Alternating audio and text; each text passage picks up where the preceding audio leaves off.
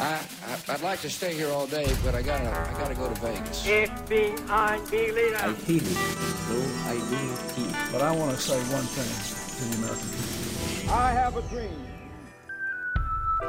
Til tross for at disse ritualene jo skulle vise alle hvor avskyelig forbrytelsen var, og hvor uovervinnelig øvrigheten var, kjente folket seg aldri så samhørige med dem som ble straffet, og aldri så truet av en lovformelig, men uberegnelig og ubehersket vold som ved skafottet. Du hører på Globus. Vi er klar for temasending. Det skal handle om fengsel og straff.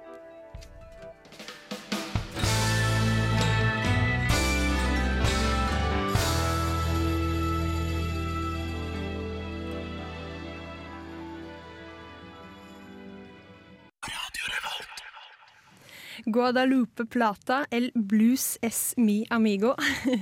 Eh, Bluesen er min venn, eh, spansk. Eh, Du hører på Globus. Mitt navn er Vanja, og jeg sa innledningsvis at temaet for i dag var fengsel og straff. Jeg tror vi endrer det til forbrytelse og straff med en gang. Det høres mye bedre ut. Kan starte med å introdusere de jeg har med meg i dag. Knut. Hallo, Knut Åshammer her. Sigmund. Hei. Hei, Oskar. Hei, hei. Eh, vi kan begynne med å snakke litt om eh, eh, straff, tenkte jeg. Eh, og da kan jeg jo begynne med å spørre hvordan ble dere straffet når dere var eh, små og bodde hjemme? Eh, jeg fikk husarrest noen ganger, men det var relativt sjeldent. Jeg tror jeg var en ganske snill unge, egentlig. Men, men det var så langt til straks, altså. Jeg ble satt på rommet noen ganger. Jeg tror det var det samme. altså Husarrest og muligens eh, En gang tror jeg jeg hadde romarrest. Jeg bare var, kunne bare være på rommet mitt. Fikk ikke lov å gå i en andre rom for et hel dag. Men det, var- det var det. Jeg kan ikke huske å ha gjort så alvorlige forbrytelser at jeg ble satt i husarrest. Så det var vel heller eh, streng kjefting, noe som vanligvis var mer enn nok for å få meg til å skjelve i buksene. Ja.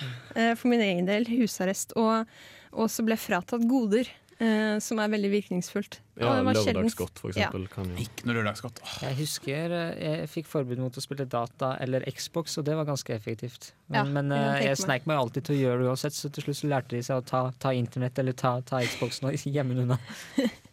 men, men det var sjelden fysisk. For det Eh, tror jeg aldri hører, fysisk. det hører til, Nei, nei, nei, nei, nei. Til, eh, til eh, en annen tid, gjør det ikke det? Kan vi ikke si det slik? Eh, I alle fall i Norge eh, så hører vel det til en annen tid i store deler av Vest-Europa. I USA så er det, tror jeg, mer vanlig såkalt spanking. Eh, har jeg hørt, da. Det var, det var barn, ja. Ja, på barn, ja. det Ja, det er vanlig på voksne òg, men i litt annen setting. Nei. Nei, men uh, vi skal snakke om litt mer sånn samfunnsrettet. Uh, for, for hvorfor, uh, hvorfor straffer man? For å ta det grunnleggende, hvorfor straffer man folk? Ikke, nå tenker jeg ikke på forskjellige straffemetoder, bare det grunnleggende. Ja, vi har vel flere svar på det spørsmålet. Men eh, når vi snakker om den typen straff som vi her i studio ble utsatt for som eh, unger, så er vel eh, grunnen til at vi ble straffa at vi ble fratatt eh, noen goder, eller måtte lide fordi vi hadde gjort noe ulovlig, og på den måten lærte vi hva som var ulovlig. Mm, Såkalt allmennpreventive straffer, altså. Ja. Og det er vel det som er, vi her i Norge stor grad har også, eller kanskje i ma mange tilfeller rehabilitering, faktisk. Og kanskje du òg samtidig kan ta med at vi ble f.eks. tatt i husarrest, fordi da fikk foreldrene våre eh, være litt i fred. Hvis vi drev og bråkte og skreik og eh, uroa altfor mye, så kan du òg ta med at eh, det var best for samfunnet, i, den, eh, i, i dette tilfellet foreldrene våre, at vi ikke var eh, ikke hadde frihet en Ikke vært til stede hele tida. Og så kunne man også ta med at det kan være for å statuere eksempler for andre. da. Hvis du hadde hatt søsken, søsken for eksempel, som hadde sett at du har fått husarrest, så er det jo for å, at de selv skal unngå å få det ved å gjøre det samme. Ja, så, så man ser, altså, eh, Vi har vokst opp, vokst opp med kan vi si nå, at med, med, med husarrest. Det er kanskje det som um, vi kan sammenligne med fengsler. Altså Før i tida så, så var jo gjerne fysisk avstraffelse eh, de- den fremste metoden for å både avskrekke og lære forbrytelsen en, en lekse. Men, men hva Hvis vi sier at fengselet nå er eh, liksom, hovedstraffen i de fleste samfunn, hvorfor fengsler man? Altså, Hvorfor du- er det en straff? Eh, Du, du fengsler ja, altså, Grunnen til at fengsel er en straff, er jo fordi at man blir tatt fra friheten. Du skal ikke undervurdere hvor ille det her er, altså på tross av at, eh, at det norske fengsler er relativt humane, så vil man ofte ha tilfeller hvor, hvor folk som blir satt i fengsel, føler at det er, det er helt for jævlig. De kan ikke gå hvor de vil, de, altså, de kan ikke uh, gjøre det de har lyst til, de kan ikke snakke med de, de menneskene de, de vil. Uh, og du føler at du blir kontrollert og, og passa på. Det er ikke en, en god følelse uh, for noen. Eh, I norske fengsler så vil vi også prøve å gi, gi folk muligheter seinere, når, de eventuelt kommer ut igjen sein. Ja, det er vel kanskje noe som eh, skiller norske fengsel en del fra fengsel i andre land. At uh, i norske fengsel så har du iallfall uh, til en viss grad eh, eh, opplæringsprogram eller eh, andre typer opplæring som gjør at de innsatte kan eh, få seg et yrke når de kommer ut, eller uh, iallfall gjøre noe annet enn å være kriminelle. Mens i eh, kanskje man kan si de fleste andre land i verden så eksisterer ikke den type program i et fengsel, og du blir kanskje heller mer kriminell av å være i et miljø sammen med mange andre kriminelle. Ja, også En ulempe da er jo at eh, noen andre land muligens at fengselet fungerer nesten som en slags eh, lager, hvor de bare samler de fleste kriminelle for å unngå kriminalitet, rett og slett. Der, der er vi inne på et, på et annet aspekt igjen. Du har, du har eh, det altså den eh, rehabiliteringseffekten som, som norske fengsler helst skal ha. Da. Altså det er det som er målet med norske fengsler. Eh, så har du eh, en effekt eh, som går på hevn, altså at fengslene skal være så jævlige.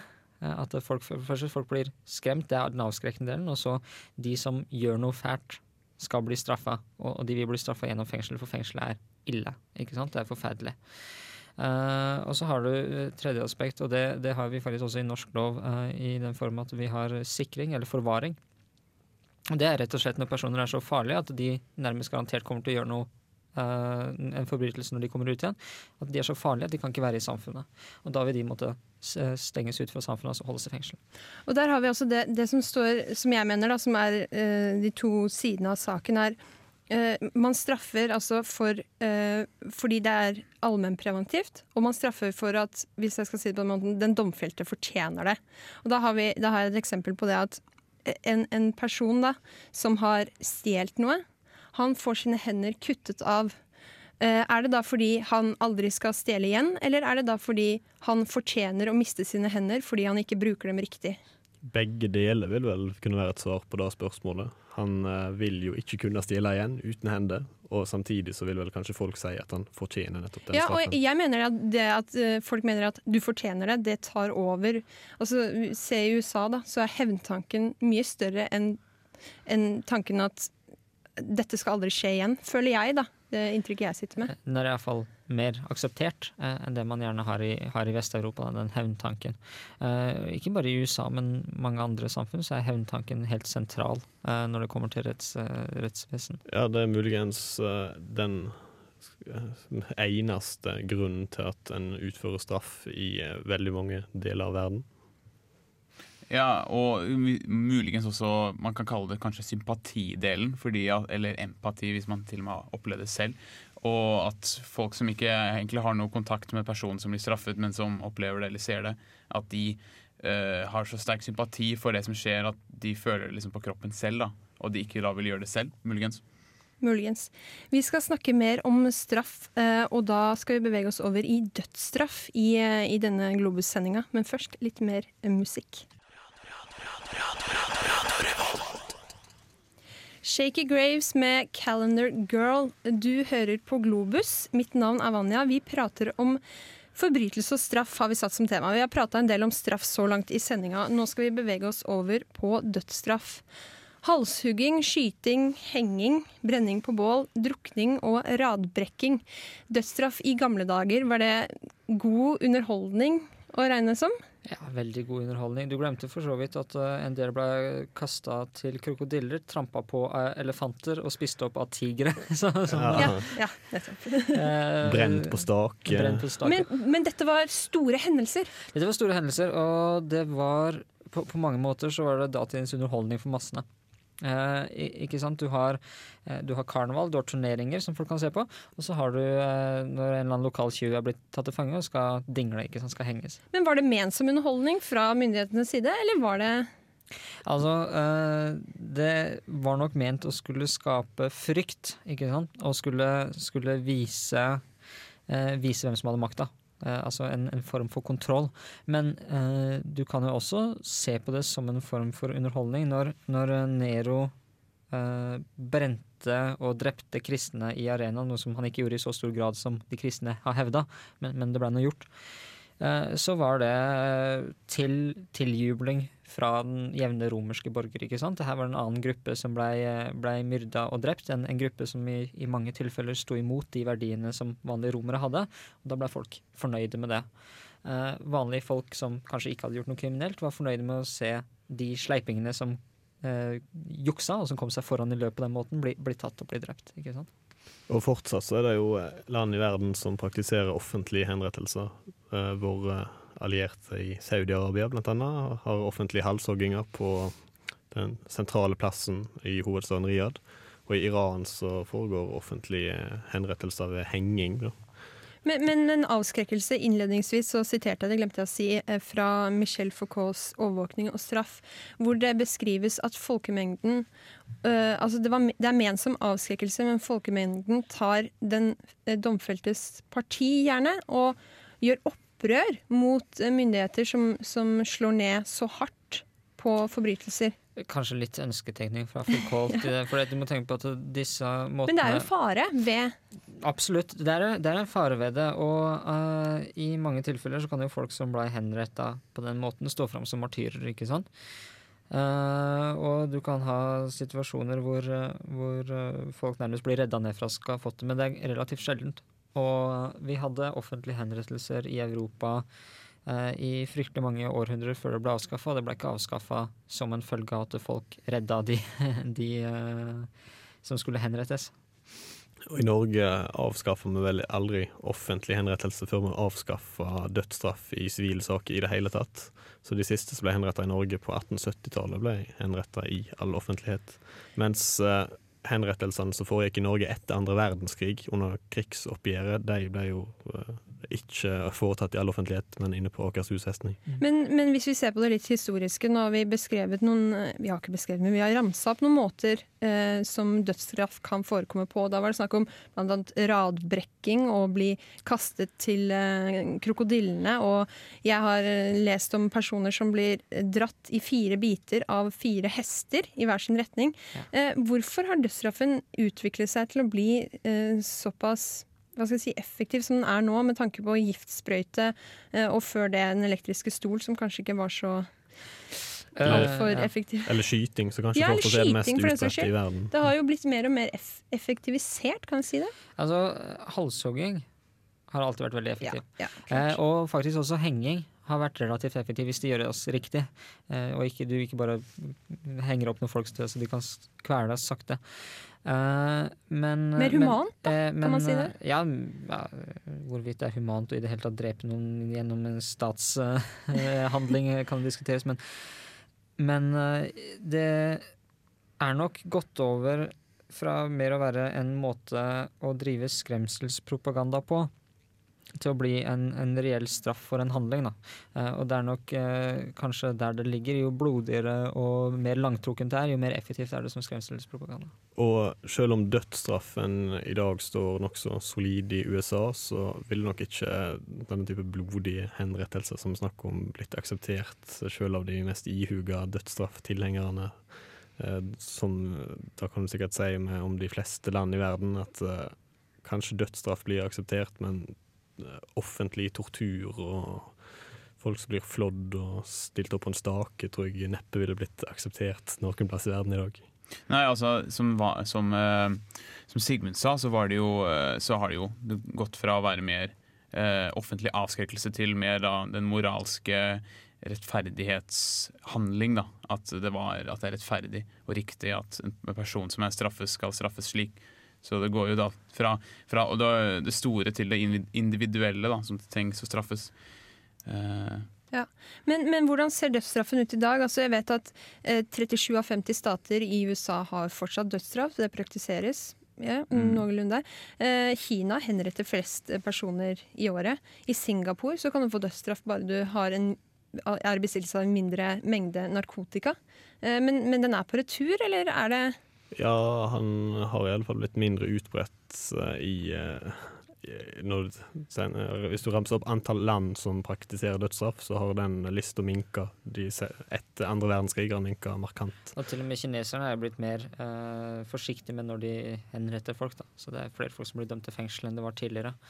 Eh, det, vi, vi skal ikke si eh, Kanskje de også er i ferd med å, å bli klar over den, den motstanden som vanlige folk kan ha mot dødsstraff. Altså. Og i, i Europa så er det jo en politiker i Europa i dag som uh, sier at han vil innføre dødsstraff i et land. Han vil vel knapt bli tatt seriøst av uh, så veldig mange av sine kollegaer blant politikerne, iallfall i Vest-Europa. Altså folk, folk som sa at de ville ha dødsstraff i Norge etter, eh, etter den terroraksjonen som vi, vi hadde her, de blei jo uh, i mange tilfeller hengt ut, Mm. faktisk. For man, man, man skal, det er ikke sånn man sier, ikke sant? Men det er ikke så lenge siden vi hadde dødsstraff i Vest-Europa uh, likevel. Frankrike avskaffet vel dødsstraff på begynnelsen av 80-tallet. Siste henrettelsen foregikk vel i 78, hvis jeg ikke husker feil, ved giljotinering.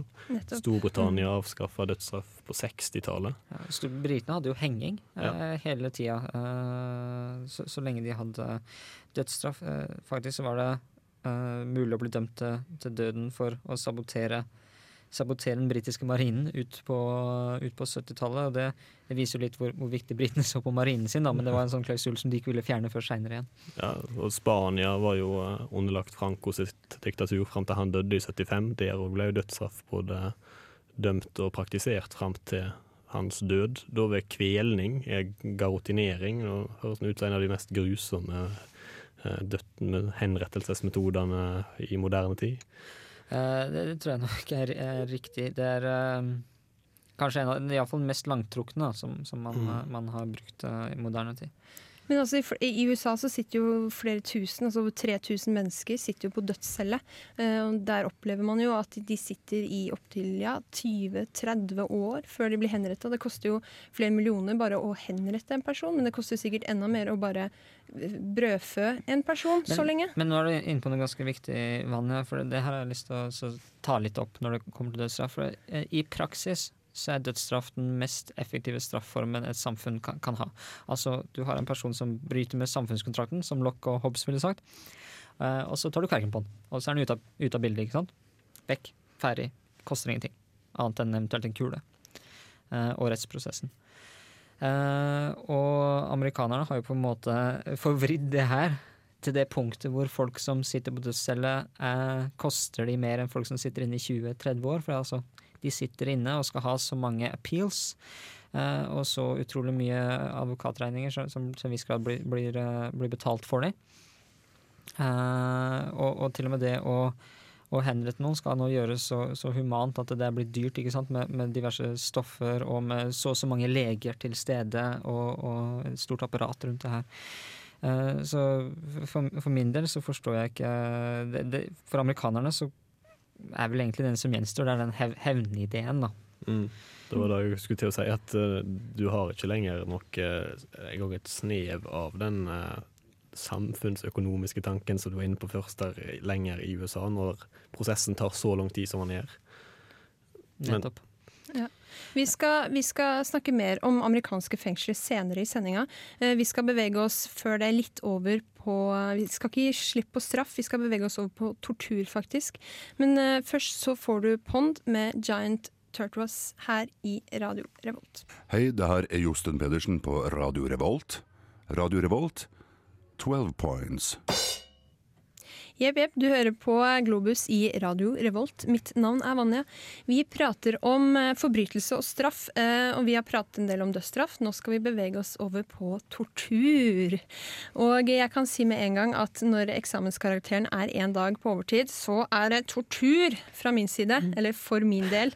Eh, Jeg vil snakke litt om psykisk tortur. Hva er det? Er det noen som har noe opp, noen forklaring på hva det kan være? Da kan det være så mangt, men eh, å bli satt lenge på isolat f.eks. kan være et eksempel på psykisk tortur. Eller at du er fengsla og blir fortalt at nå kommer vi og tar familien din hvis du ikke innrømmer dette, eller den type. Kan i hvert fall si at det psykisk tortur er jo fengsling uten rett eller uten dom. eh, Som skjer overalt i verden. Er, man vet ikke hvorfor man er i fengsel, og man er der i år, årevis. Det er jo en torturmetode. Det er form for psykisk tortur. Og så har du, har du sånne altså Det blir litt fysisk også, men sånne metoder som man har brukt i uh, Guantánamo, altså amerikanske, hvor man blir satt f.eks.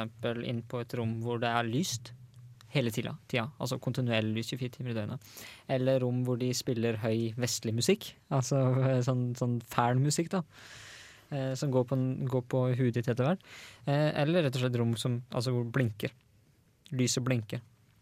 Men, men dette dere um, sier her nå, det er jo på en måte tortur som straff. Og hvis man skal gå litt inn på det med tortur som metode, så har vi jo det med lange, lange, lange avhør uten pause. Og da vil jeg gjerne få bringe opp eh, Japan, som har en veldig, veldig høy oppklaringsrate. Og de har domfellelse i over 99 av, eh, av sakene som kommer opp i rettssystemet. Og, og da er det påpekt at det er pga.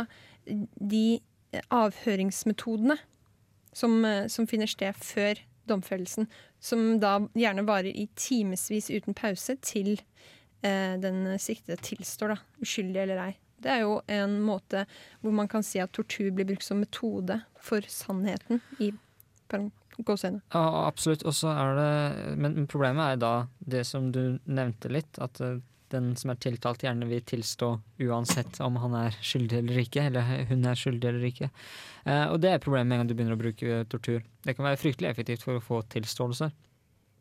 Men du bør ha tunga fryktelig rett i munnen hvis du ikke skal få en falsk tilståelse. Altså, du, må, du må få en tilståelse hvor den som eh, tilstår, eh, faktisk selv bringer opp detaljer som han ikke kunne visst, med mindre han hadde utført, uh, utført den kriminelle handlingen. Og det, det, er vanskelig. Det er en kunst. Det, det, ja, du kan kalle det kunst. kunst ja. Tortur kan jo, kan jo, være en kunst òg, etter hvert. så har vi vært inne på det med dødsstraff, at det er en avskrekkingsmetode. Det å gjennomføre tortur som en del av dødsstraffen er jo uh, avskrekkende, men ikke nødvendigvis jo, altså, både for de kriminelle og for folk som planlegger å, å gjøre en kriminell handling senere.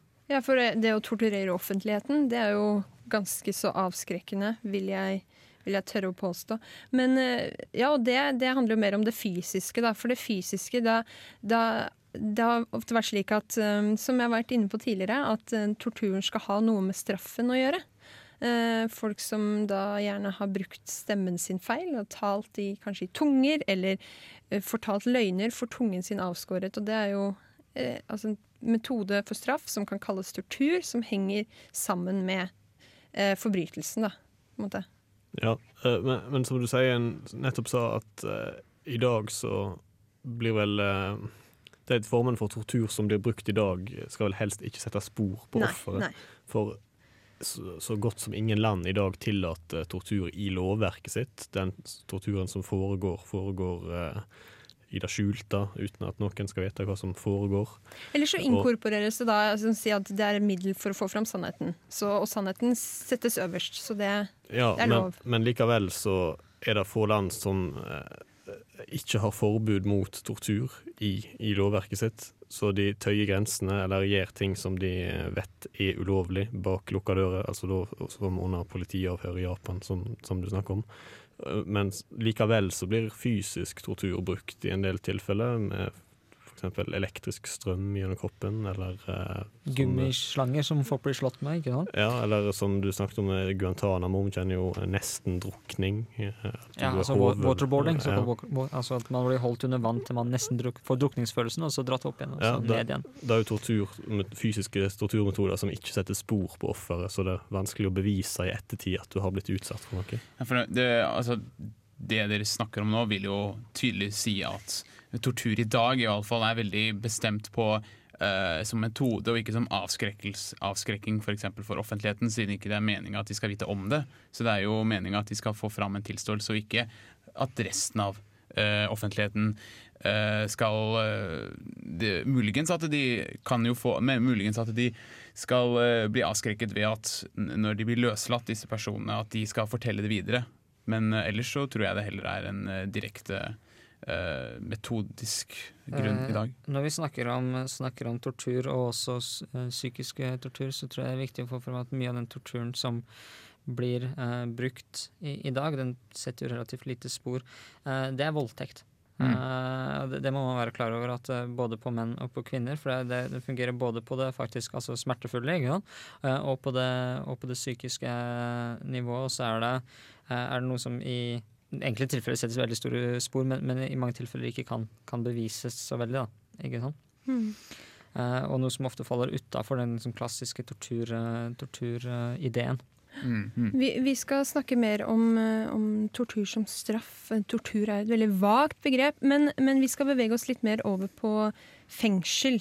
Fengsler. Eh, Knut, du har sett litt nærmere på amerikanske fengsler. Ja, jeg har lagd en sak om det, og det her har jeg sett på forholdet til, eller mer, mer eller mindre faktaene rundt uh, amerikanske fengsler nå, da. Uh, og hvor, hvor, uh, hvor enorme tall, hvor mange som er innsatt i amerikanske fengsler. De har jo de har de flest innsatte i hele verden, og de har sånn Man kan si at for eksempel i Europa, da, så er det jo så har de åtte ganger eller ni ganger mer fanger enn et gjennomsnittlig land i Europa.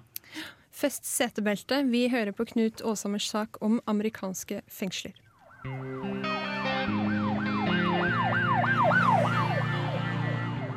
Kriminalitetens hovedstad har nesten alltid blitt rettet mot landet USA. Men sannheten er nærmere og verre enn det folk flest kjenner til. Landet har flest innsatte i hele verden, og ikke bare det, men også flest innsatte per innbygger. I 2009 ble det registrert over tre millioner innsatte i amerikanske fengsler. Målt med USAs innbyggertall er over 750 per 100 000 innbyggere fengslet. Dette er langt over Europas gjennomsnitt på rundt 100.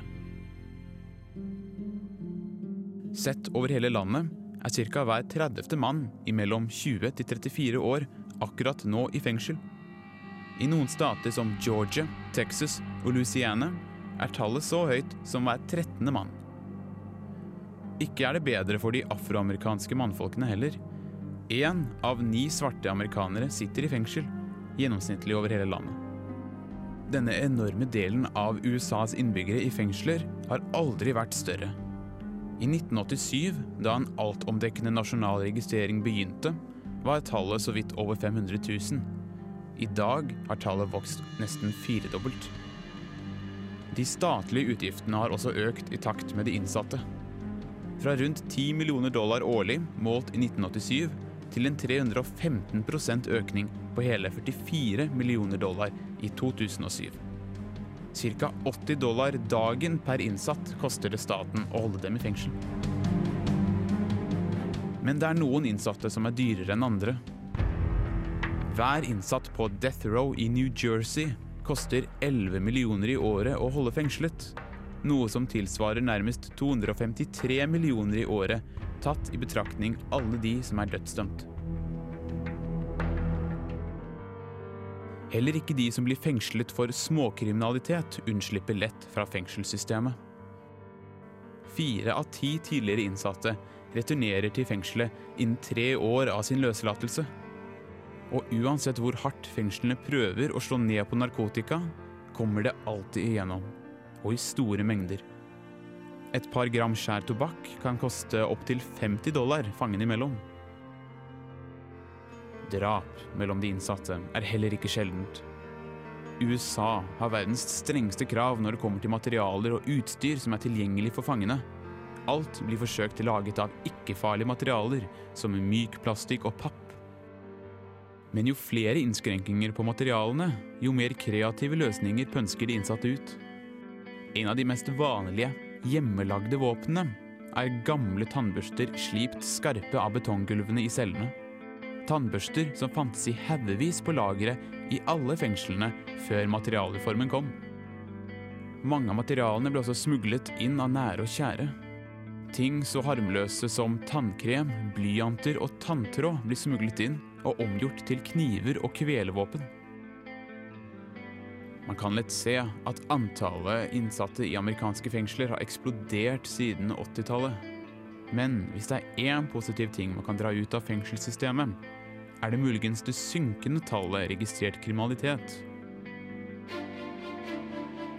Men igjen, hvis man ser det på en annen side, er det kanskje heller rettens moderne rutine å dømme all småkriminalitet spesielt narkotikabruk og salg, med lange fengselsstraffer, som tvinger dette kriminalitetstallet ned.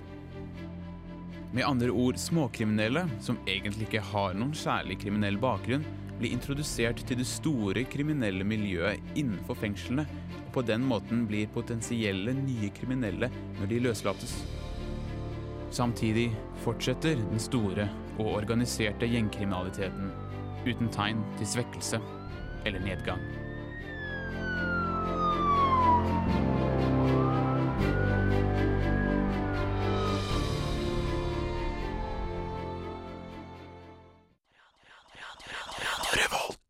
Du hører på Globus her på Radio Revolt. Du fikk nettopp High Highs med In a Dream, og vi i Globus prater om fengsler, eller vi skal bevege oss inn på fengsel, som da er um, en, en, ny sjanse i livet, eller er det rett og slett uh, fengselets funksjon i å skape forbrytere, slik at samfunnet derved lettere skal kontrollere dem? Knut, du uh, har nettopp uh, hatt en sak om amerikanske fengsler. Er det, der er det høy gjentakelsesrate. Ja, som sagt så var det ca. sånn fire av ti eh, småkriminelle eh, kommer tilbake til fengselet innen tre år etter sin løslatelse. Og det er jo og det er vanligvis til og med for lignende, sak, lignende ting som dømte dem forrige gang. Så de, de, gjentar det, da. Og da kan man spørre seg, er det fordi, eh, fordi man eh, får for dårlig oppfølging fra fengselet etter, eh, etter endt dom, eller er det fordi fengselet er så bra at man vil tilbake dit? Uh, faktisk. Det hører, du synes kanskje det høres rart ut, men ja, det er tilfellet. Uh, veldig mange. Uh, folk som har vært i fengsel i opptil 8-15 år, som har blitt intervjua. det har vært en rekke dokumentar om det fra National Geographic, Geographic yes, også. Og de har uh, viser fram at disse personene har vært så lenge i uh, dette miljøet, dette fengselsmiljøet, at de ser det nærmest som sin familie. Og deres ekte familie og alle disse kontaktene de hadde før, de har jo forsvunnet. Ja, for, for fengselet er jo som et samfunn i samfunnet. Mm. Det er jo det. Det er, det er et internt samfunn. Mm. Mm. Det er nettopp det der. Så folk som uh, har vært lenge i fengsel, de klarer rett og slett ikke å fungere i det vanlige samfunnet når de kommer ut? da. I tillegg så har de vanligvis en liten sjanse for å fungere, fordi samfunnet har jo i tillegg isolert seg fra dem, og de har isolert seg totalt fra samfunnet, så de er jo, som veldig mange, de føler seg totalt fortapt i, uh, i frie verden. Men hva er grunnen til at så mange sitter i fengsel, da, i bl.a. USA? Uh, det er hovedsakelig Man kan si at uh, i de siste, siste 10-15 årene så har jo USA vært svært uh, kraftige og, på narkotika spesielt. Da. Eller, narkotikahandelen har jo eksplodert i USA. Også i tillegg har rettssystemet gått veldig hardt ned på det og kriminaliserte og stigmatiserte svært mulig. Så folk som bare selger det øh, og kommer i fengsel. Og, og istedenfor å bare få kanskje et par måneder, som man skulle kanskje anta, så får de årevis. Og problemet er også behandlingen, så tingen at ting blir utsatt og forsinket. Så folk sitter i fengsel mye lenger enn de skulle. Men, men, fungerer fengsel, eller er det et, eh, en blindvei? Hva ja, hvis du mener med fungere? Ja, er det, er det, en bra straff? Først må man slå fast hva fengselet ønsker å altså utrette. Da. Hva, hva er det et fengsel skal gjøre? Skal det være være sted for hevn?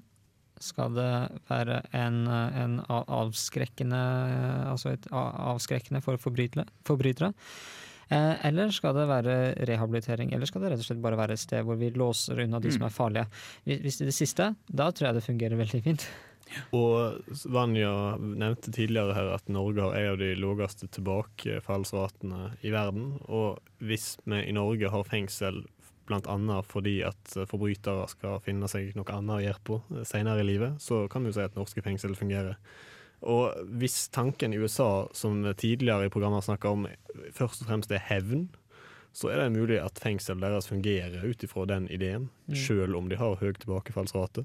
Ja, og på samtidig som det her med at, de, at fengslene fungerer rett og slett bare som oppbevaringssted for kriminelle, så kan man jo også si at det fungerer uh, på en viss grad, fordi no, Problemet nå i USA er at de har egentlig ikke investert i fengselsinfrastruktur, vi skal kalle det, på 20 år. Så de har, eh, Fengselet deres er lagd for 1980, og, eh, som er nesten 30 år nå, og ikke 2010. Så de har eh, i vanligvis steder hvor de har kanskje skulle egentlig hatt Ja, de har ti ganger flere fanger i lokaler som bare skulle ha, ja. Mm.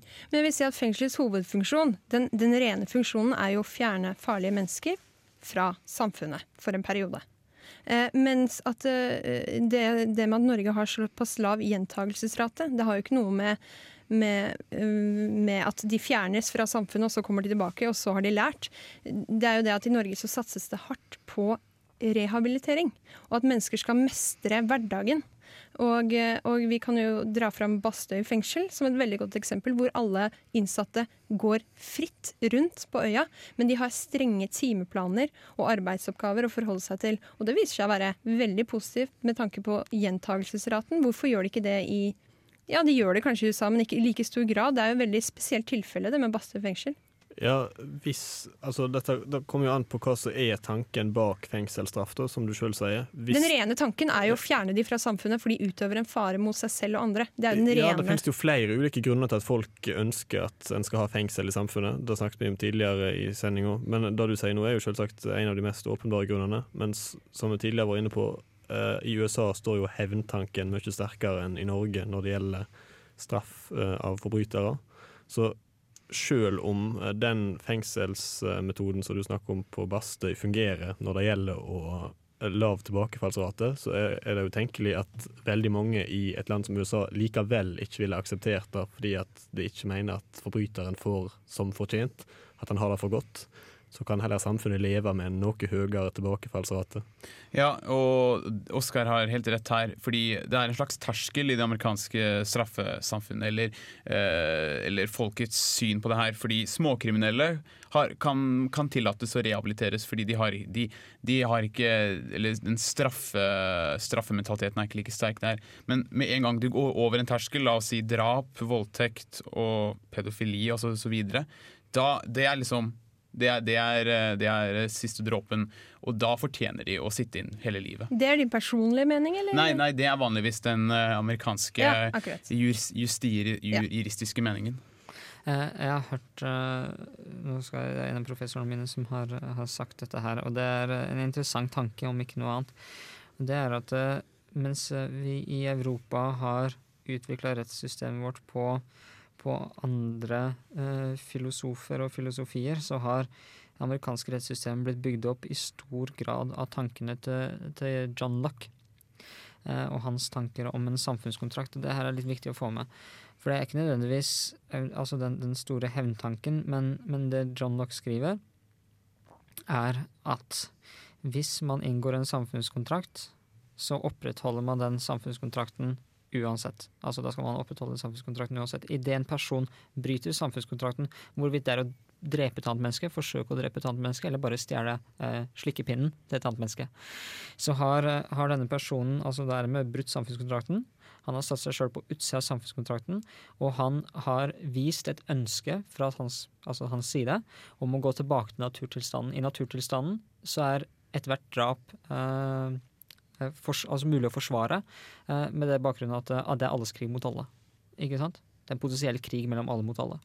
Så idet en person sier 'jeg vil ikke ha samfunnskontrakten', altså bryter kontrakten, så står han utafor. Amerikanerne sier 'da kan vi drepe den', eller 'da kan vi utsette den for alt mulig', da må vi beskytte oss mot den. Da er han ikke lenger en borger, han er ikke lenger et menneske eh, som, er med, altså som er med i den, den, dette samfunnet.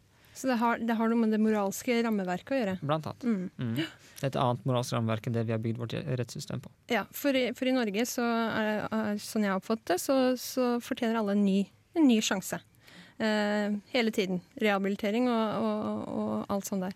Eh, vi skal høre på en eh, låt fra Don Martin om eh, noe som i hvert fall er ulovlig i Norge. Du får eh, æresdrap her i Globus på Radio Revolt. Æresdrap fikk du der i eh, Globus. Det var eh, østkantrapperen og kommunisten Don Martin.